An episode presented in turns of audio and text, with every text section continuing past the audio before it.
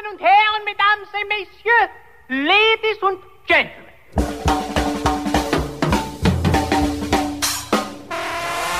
Izobraževalno-glasbeni variate. Zofijini ljubimci.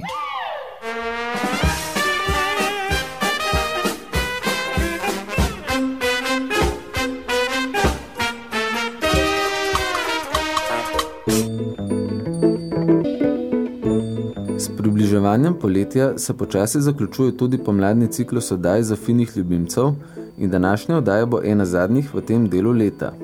Zadnji mesec se intenzivno ukvarjamo s vprašanji nacionalizma, zato bomo pomladni ciklus oddaj temu ustrezno zaključili z branjem še drugega dela zapiskov o nacionalizmu, kateri je leta 1945 za revijo Polemik spisal britanski sejist in pisatelj George Orwell. V drugem delu oddaje se bomo podali s filozofijo skozi čas. Vabimo vas, da naslednjo uro preživite z nami. www.zofijini.net Vaša bližnica do vednosti.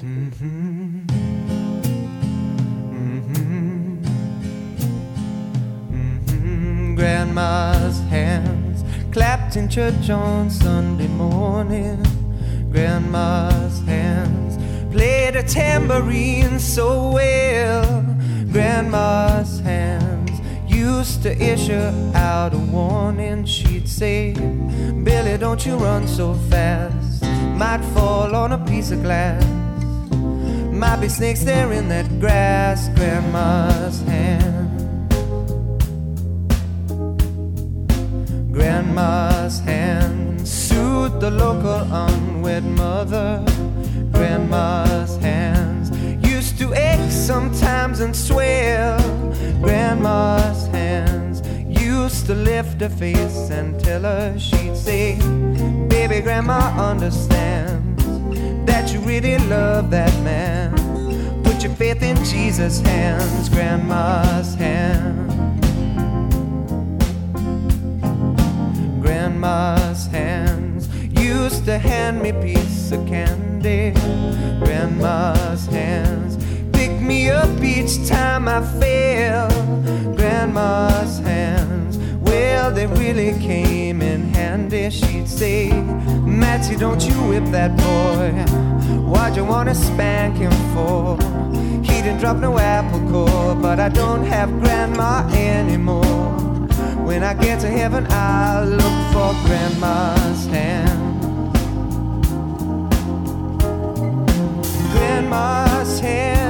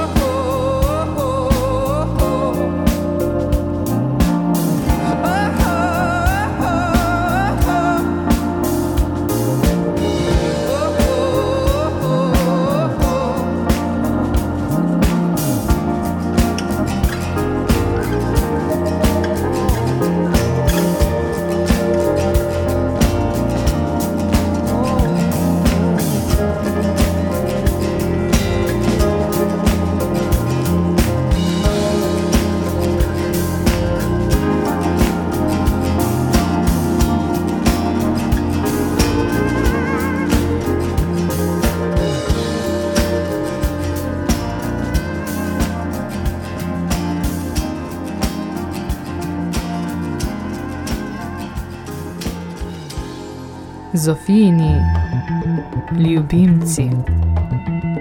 George Orwell, zapiske nacionalizmu. V prejšnji oddaji smo brali del eseja, v katerem Orwell v okviru zmožnosti razišče miselne navade, katere so skupne vsem oblikam nacionalizma. Naslednja stvar, ki se je loti, je razvrstitev teh oblik, česar pa po njegovem mnenju očitno ni mogoče napraviti dovolj izčrpno. Nacionalizem je ogromen subjekt. Svet vznemirjajo naštete prevare, zablode in sovraštva, ki se med seboj križajo na zelo kompleksne načine. Nekatere najbolj usodni izmed njih takrat še niso niti prodrle v evropsko zavest.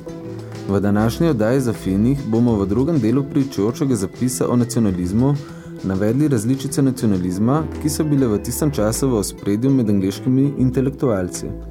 Posnetek prejšnje oddaje najdete v spletnem arhivu Radija Marš ali na spletni strani Zofinih www.zofini.net. Pozitivni nacionalizem Novi konzervativizem Najprej pojdimo k pozitivnemu nacionalizmu. Novi konzervativizem. Predstavniki so na primer Lord Elton, Ellen Herbert, George Young, profesor Pickthorn, literatura konzervativnega reformnega komiteja in revije kot so New English Review in the 19th Century and After. Resnična sila novega konzervativizma, ki je daje njen nacionalistični značaj in je loče od običajnega konzervativizma, je želja po nepriznavanju slabljenja britanske moči in vpliva. Celo tisti, ki ostajajo bolj realistični in vidijo, da britanski vojaški položaj ni to, kar je včasih bil, težijo k trditvam, da morajo angleške ideje, ki so običajno ostale nedefinirane, prevladati svetu. Vsi neokonzervativisti so proti Rusom, včasih pa je glavni poudarek proti Ameriki. Zdi se, da ta idejna šola dobiva temelje med mlajšimi intelektualci, včasih bivšimi komunisti, ki so prestali običajen postopek razočaranja in disiluzije. Anglofob, ki nepričakovano postane divi zagovornik Britanije, je precej pogosto vzorec. Pisci, ki ponazarjajo to tendenco, so Frederick Voigt, Evelyn Watt, Hugh Kingsmill. Psihološko podoben razvoj pa je mogoče opaziti tudi pri Thomasu Eliotu, Windhamu Lewisu in mnogih njunih privržencih. Keltski nacionalizem Velški, irski in škotski nacionalizem se v mnogočem razlikujejo, vendar so si podobni v svoji usmerjenosti proti Britaniji. Člani vseh treh gibanj so nasprotovali vojni, medtem ko so se še naprej imenovali za zagovornike Rusov. Še več. Tem skrajnežem se je celo posrečilo, da so bili istočasno zagovorniki Rusov in zagovorniki nacistov. Toda keltski nacionalizem ni isto kot anglofobija. Njegova gonilna sila je vera v preteklo in prihodnjo veličino kilskih ljudi, obenem pa ima močan priokus rasizma. Predpostavlja se, da ne bi bil Kelt duhovno nadrejen saksoncu, angležu na Irskem, bil ne bi bolj preprost, bolj ustvarjalen, manj vulgaren, manj ošaben in tako dalje. Vendar je običajna lakota pomoči skrita pod površjem. En pokazatelj tega je zmota, da lahko Irska, Škotska ali celo Wales brez pomoči ohranja svojo neodvisnost in da na ta način niso ničesar dolžni britanski zaščiti. Med pisci sta dobra primera te idejne šole Hugh McDarmin in Sean O'Casey. Noben modern irski pisac, niti veličastni Yates ali Joyce, ni popolnoma brez sledi nacionalizma. Sionizem Ta ima nenavadne značilnosti nacionalističnega gibanja, vendar se zdi, da je ameriška različica tega bolj nasilna in sovražna kot britanska. Razvrščam jo med neposreden in ne med preneseni nacionalizem in sicer zato, ker deluje skoraj izključno samo med samimi židi. Zaradi različnih precej neskladnih razlogov so intelektualci v Angliji glede vprašanja Palestine večinoma zagovorniki židov, vendar se zaradi tega ne vznamirajo preveč. Vsi dobrohotni angleži so tudi zagovorniki židov v smislu neodobravanja nacističnega preganjanja. Toda vsako dejansko nacionalistično zvestobo ali vero v prirojeno nadrejenost židov je med nežidi težko najti.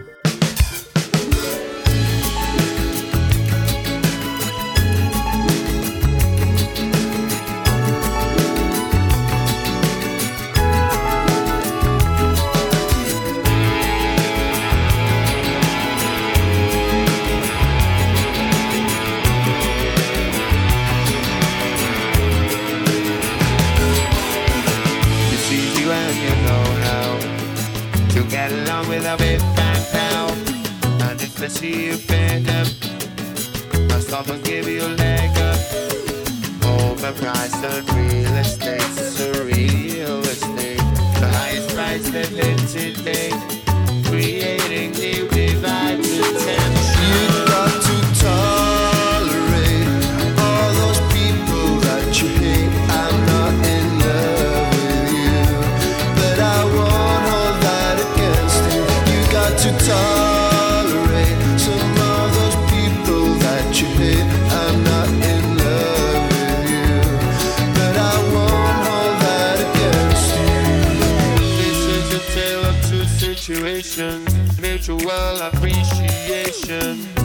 from narrow preconception, providing conflict hypertension, non-phobic word aerobic.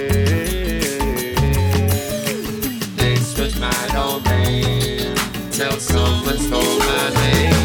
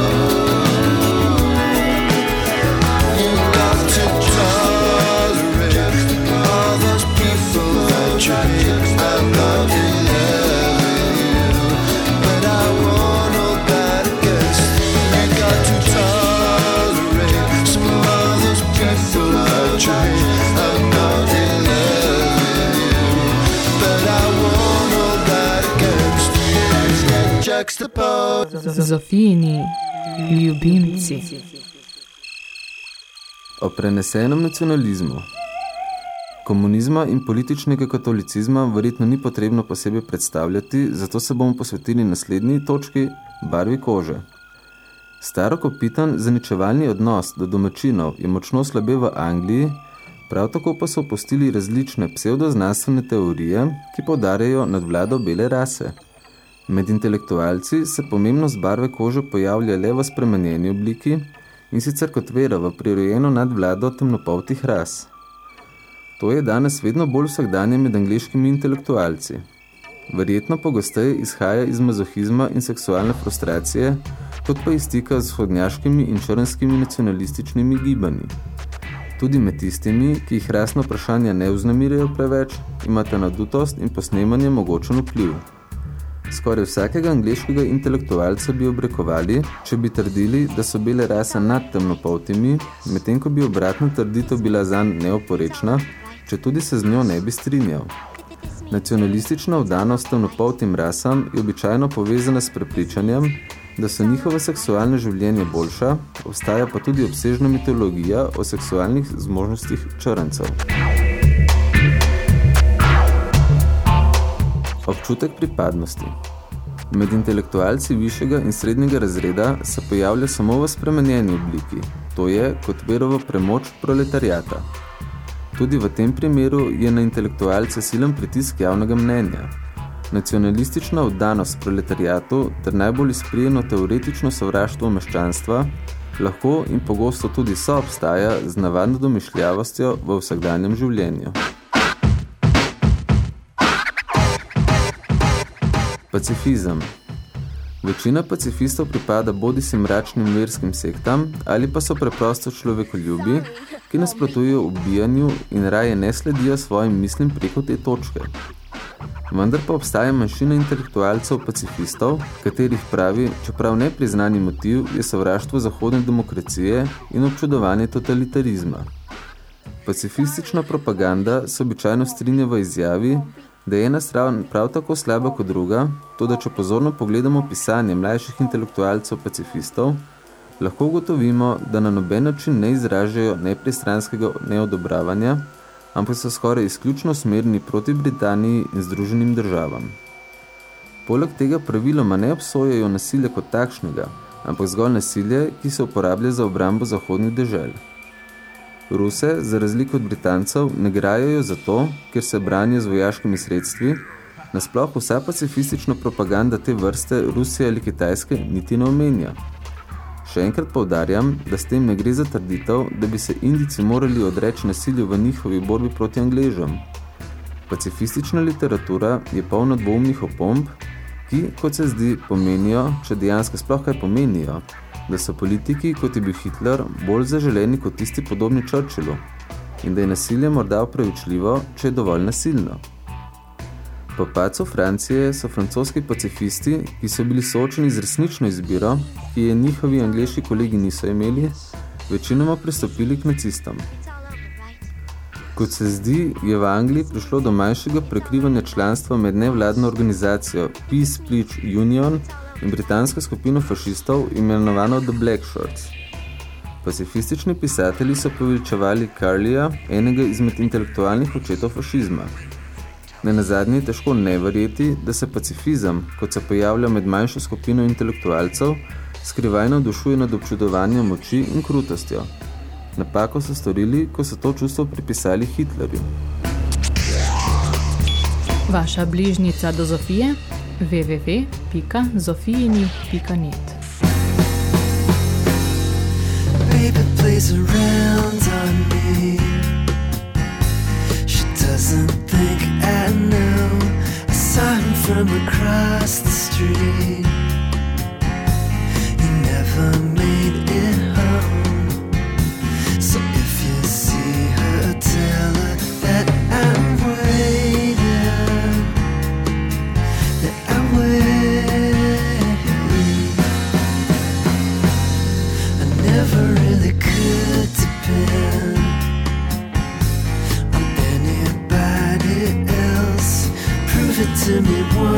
again.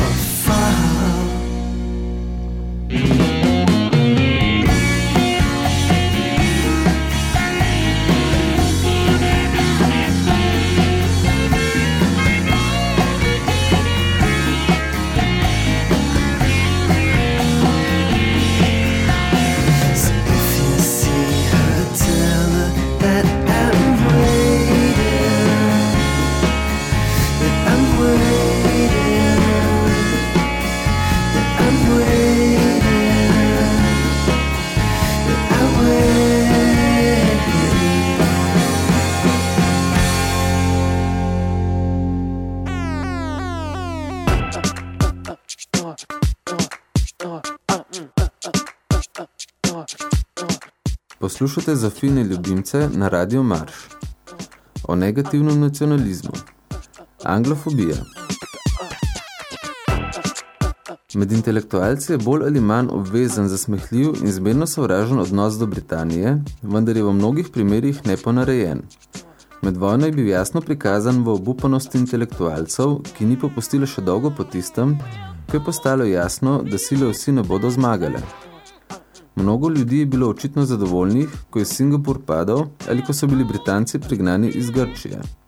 Hkrati je vladala izrazita nevolja do zaupanja v dobre novice, naprimer v novice, ki so prihajale iz mesta El Alamein ali v število nemških letal, ki so bile sestreljena v bitki za Britanijo.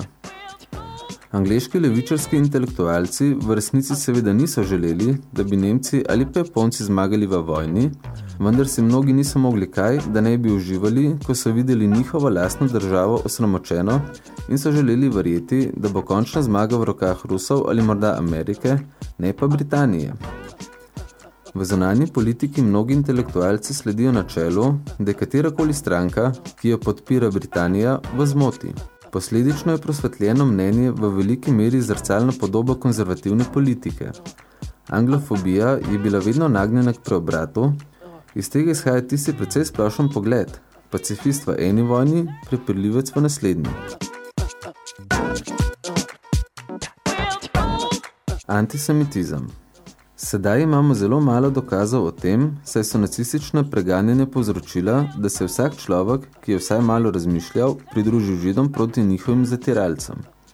Vsakdo, ki je dovolj izobražen, da je že slišal besedo antisemitizem, trdi, da je samo po sebi umevno, da je osvobojen njinega vpliva. Prav tako so vse protižidovske opaske skrbno izločene iz vseh vrst literature. Pravzaprav se zdi, da je antisemitizem zelo razširjen, celo med intelektualci, obča zarota molka pa ga najverjetneje samo zaostruje. Ljudje levičarskega mnenja niso neobčutljivi zanj, na njihov odnos pa včasih vpliva dejstvo, da se privrženci trotskega in anarhisti nagibajo k židom. Toda antisemitizem je bolj vsakdani ljudem konzervativne tendence, ki so osumili žide, da so oslabili nacionalno moralo in razrečili nacionalno kulturo. Neokonzervativci in politični katoličani so vedno nagnjeni k temu, da vsaj v presledkih popustijo antisemitizmu. Trotskizem. Ta beseda se uporablja zelo ohlapno in lahko vključuje anarhiste, demokratične socialiste in celo liberalce. V tem eseju jo uporabljam za doktrinarnega marksista, čigar glavni motiv je sovražnost do Stalinovega režima. To marksistično teorijo lahko podrobneje preučujete v nepomembnih brošurah ali pa v razpravah kot je The Socialist Appeal in ne toliko v Trotskijevih delih, ki v nobenem pogledu ni bil človek ene ideje. Čeprav je na nekaterih mestih, naprimer v Združenih državah, ta teorija marksizma zmožna pritegniti predvsej veliko število privržencev in se razviti v organizirano gibanje z lastnim voditeljem, je njena pobuda v osnovi negativna. Privrženec Trotskijevih idej je proti Stalinu v enake meri, kot je komunist za Stalina. Tako kot večina komunistov si bolj želi, da bi se bitka za prestiž odvijala v njegovo korist, kot pa da bi se spremenil zunani svet. V vsakem primeru vlada enaka obscena fiksacija na eno stvar, enaka nesposobnost oblikovati naravno razumsko mnenje, ki temeli na verjetnostih. Dejstvo, da so zagovorniki te ideje posod preganjena mašina in da je obtožba, ki jih bremeni sodelovanje s fašisti zmotna, ustvarja vtis, da je Trotskijeva ideologija intelektualno in moralno v premoči nad komunizmom. Toda dvom, ali sploh je kaj razlike, obstaja. Najbolj tipični privrženci so vsekakor bivši komunisti. Še več. Nihče ne postane privrženec gibanja sam po sebi, ampak privrženci običajno izhajajo iz enega izmed levičarskih gibanj. Za nobenega komunista, razen če iz navade ostaja zvest svoji stranki, ni mogoče zagotovo trditi, da ga ne bodo premamile ideje Trotskega. Nasproten postopek se ne pojavlja enako pogosto, čeprav ni nobenega jasnega razloga, zakaj se ne bi. Zofijini ljubimci.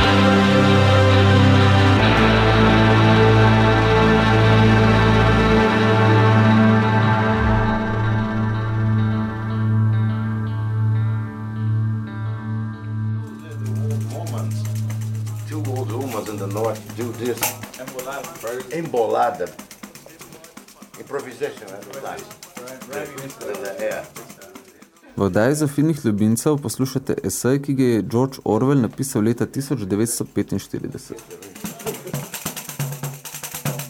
V prej omenjeni klasifikaciji se bo morda zdelo, da sem pogosto pretiraval, posplaševal, postavljal neupravičene predpostavke in iz računice izpustil obstoj običajno posem dostojnih motivov. To je bilo neizogibno, se v tem eseju skušam osamiti in prepoznati tendence, ki obstajajo v vseh naših mislih ter izpridijo naše razmišljanje. Pri tem ni nujno, da se pojavljajo v čistem stanju oziroma da funkcionirajo neprenehoma. Na tej točki je pomembno, da popravim preveč posplošeno podobo, ki sem jo bil prisiljen prikazati. Torej, posameznik nima nobene pravice domnevati, da je vsakdo ali celo vsak intelektualec okužen z nacionalizmom.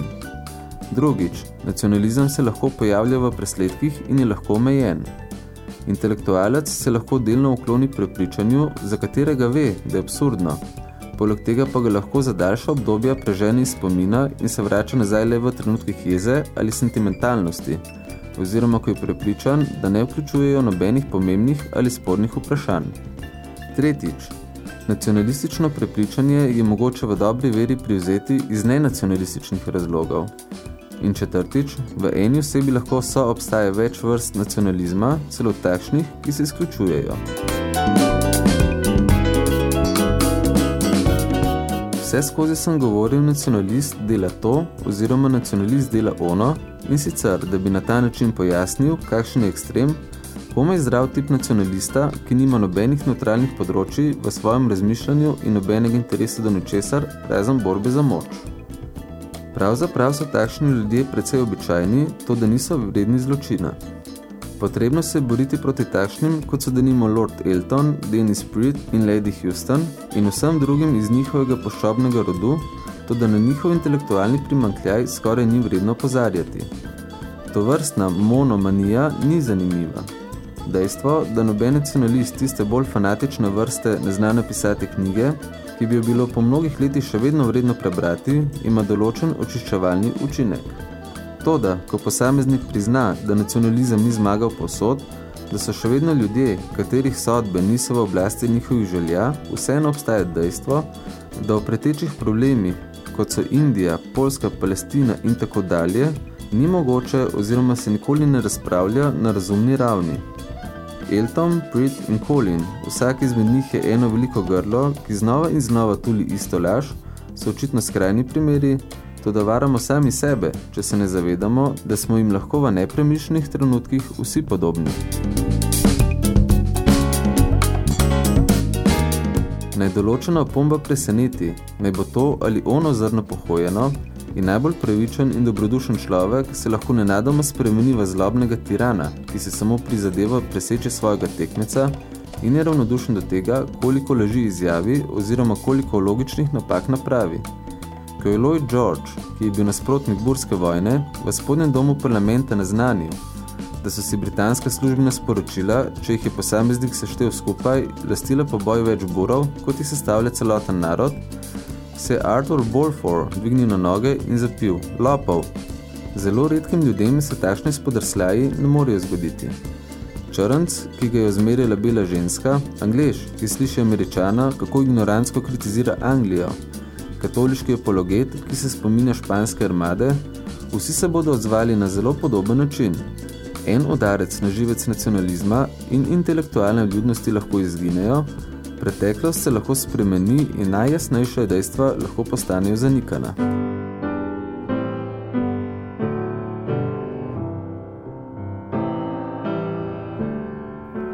Oh, what fools these mortals be, so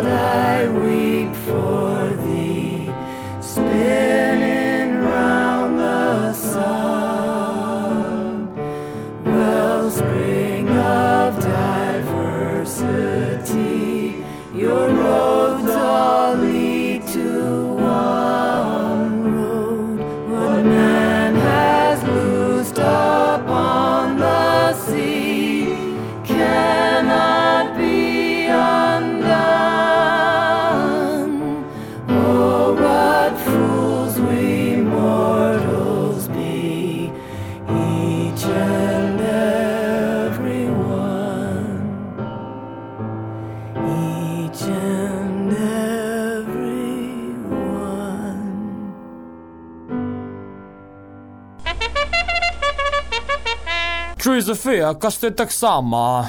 Ja, pa če ne vem, kje so moji ljubimci.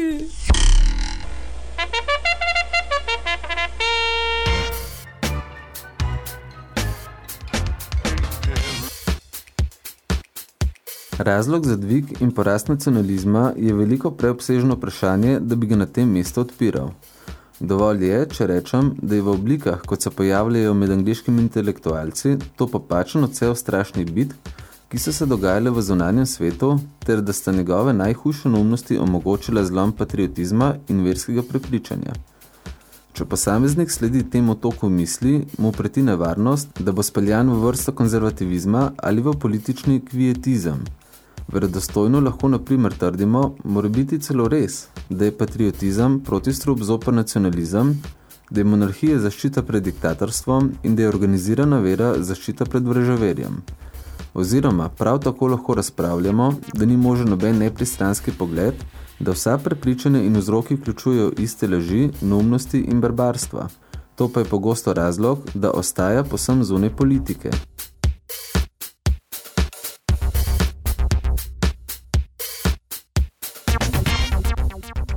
Jaz tega dokaza ne sprejmem, se v modernem svetu noben, ki se ima za intelektualca, ne more ostati izven politike, v smislu, da se ne bi zanimal za njo. Menim, da posameznik mora sodelovati v politiki, pri tem uporabljam besedo v širokem pomenu in da mora imeti prioritete. To pomeni, da mora priznati, da so nekateri razlogi objektivno boljši kot drugi, če tudi so posredovani na prav tako slabih predpostavkah. Ker se tiče nacionalističnih ljubezni in sovraštov, o katerih sem govoril, so del te maske večine izmed nas, pa če nam je to všeč ali ne. Če se jih je možno znebiti, ne vem. Verjamem pa, da se je možno boriti proti njim in da je to pravzaprav moralni napor. Najprej je potrebno spoznati, kdo posameznik sploh je, kakšno so njegova čustva in šele na to dopustiti neizogibne predsotke.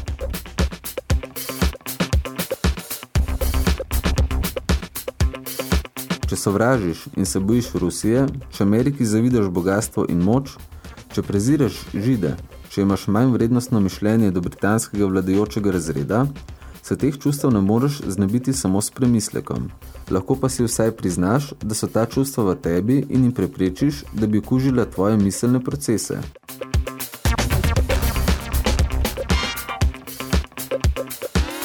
Čustveni impulzi, ki so neizbežni in so morda celo nujni za politično delovanje, bi morali biti zmožni obstajati usporedno s prejemanjem resničnosti. Vendar to, še enkrat poudarjam, zahteva moralni napor. Sodobna angleška literatura, vkolikor pozna glavna sporna vprašanja našega časa, jasno kaže, kako malo nas je dejansko pripravljenih storiti prav to. Esej je George Orwell napisal in maja leta 1945 objavil v britanski reviji za filozofijo, psihologijo in estetiko imenovano Polemik. Besedilo je prevedla Irena Krošelj. V originalu lahko tekst prebirate na matični spletni strani Georgea Orwella, v prevodu pa na naši matični strani trikadvojniv.zafini.net.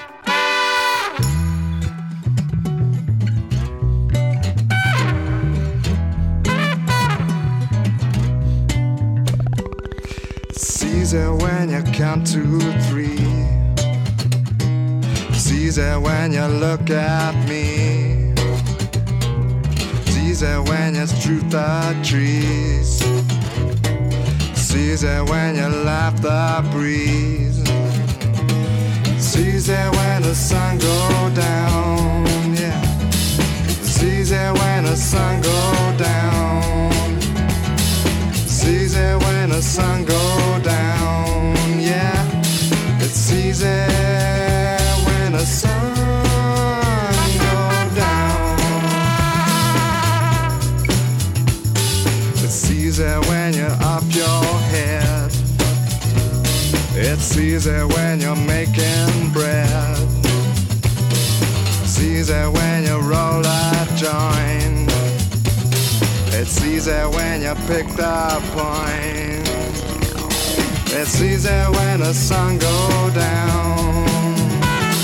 It's easy when the sun go down. It's easy when the sun go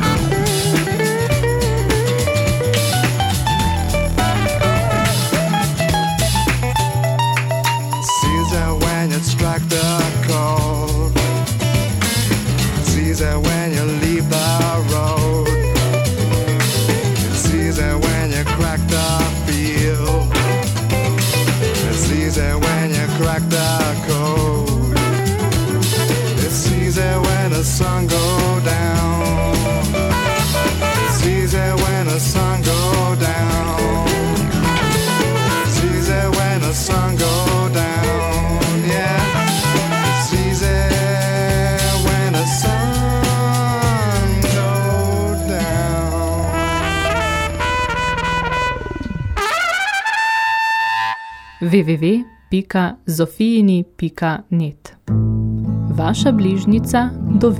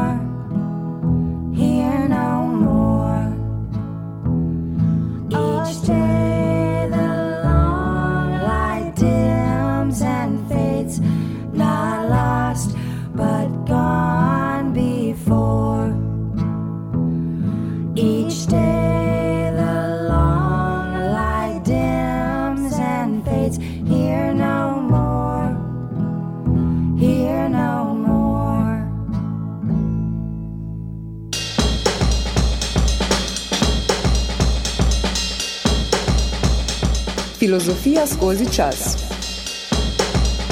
4. junija leta 470 pred našim štetjem je bil rojen grški filozof Sokrat. Če ni bil rojen tega dneva, pa je bil rojen na kakšen drugi dan. Nespodobno bi bilo, da ga med letom ne bi omenili. Leta 1798 je umrl eden največjih postelovcev, predkancev in ženskarjev, Giacomo Girolamo Casanova. Spodobno bi bilo, da ga ne bi omenili. 5. junija leta 8239 pred našim štetjem je po izračunih starih majev nastal svet. Na isti dan leta 1883 je bil rojen angleški ekonomist John Maynard Keynes. 6. junija leta 1832 je umrl Jeremy Bentham. Na isti dan leta 1935 je bil rojen Tenzing Gyatso, tibetanski verski voditelj Dalai Lama. Današnji 14. Dalai Lama je bil zbran leta 1940, star komaj 5 let. Prav tako 6. junija leta 1949 izide Orwellova knjiga z naslovom 1984. 7. junija leta 1954 se je s cianidom ubil Alan Turing.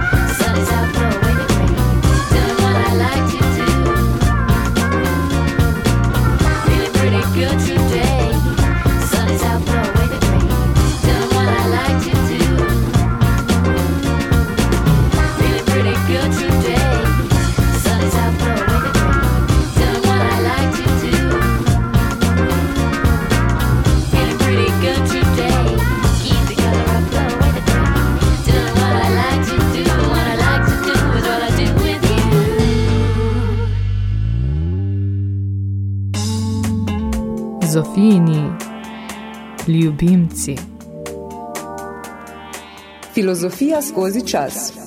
8. junija leta 632 je v Medini umrl ustanovitelj islama Mohamed, kar v arabščini pomeni slavljeni.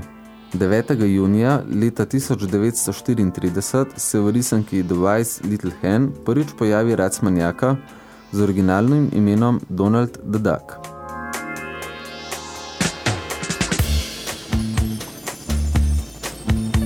10. junija leta 2003 so v kanadskem Ontariju prvi v Severni Ameriki dovolili poroke istospolnih partnerjev. Rubriko za vas pripravlja Boris Blagotinšok, najdete pa jo tudi na filozofskem forumu www.mislec.net.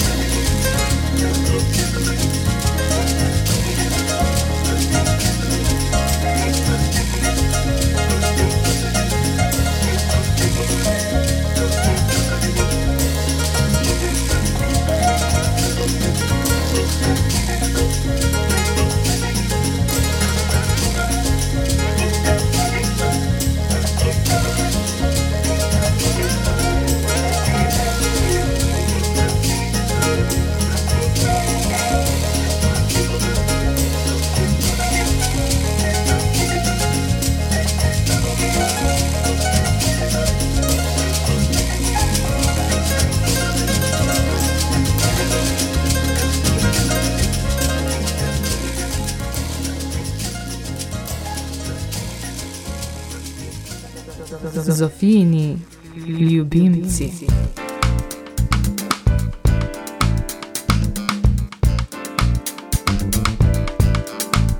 Za ta teden se Zofini ljubimci od vas poslavljamo. Obiščite nas na naši spletni strani www.zofini.net Pišite nam na e-mail naslov zofini.afna.jahu.com Na dobro debato pa vas vabimo na forum www.mislec.net Ponovno vas vabimo k poslušanju naslednji teden. Nasvidenje.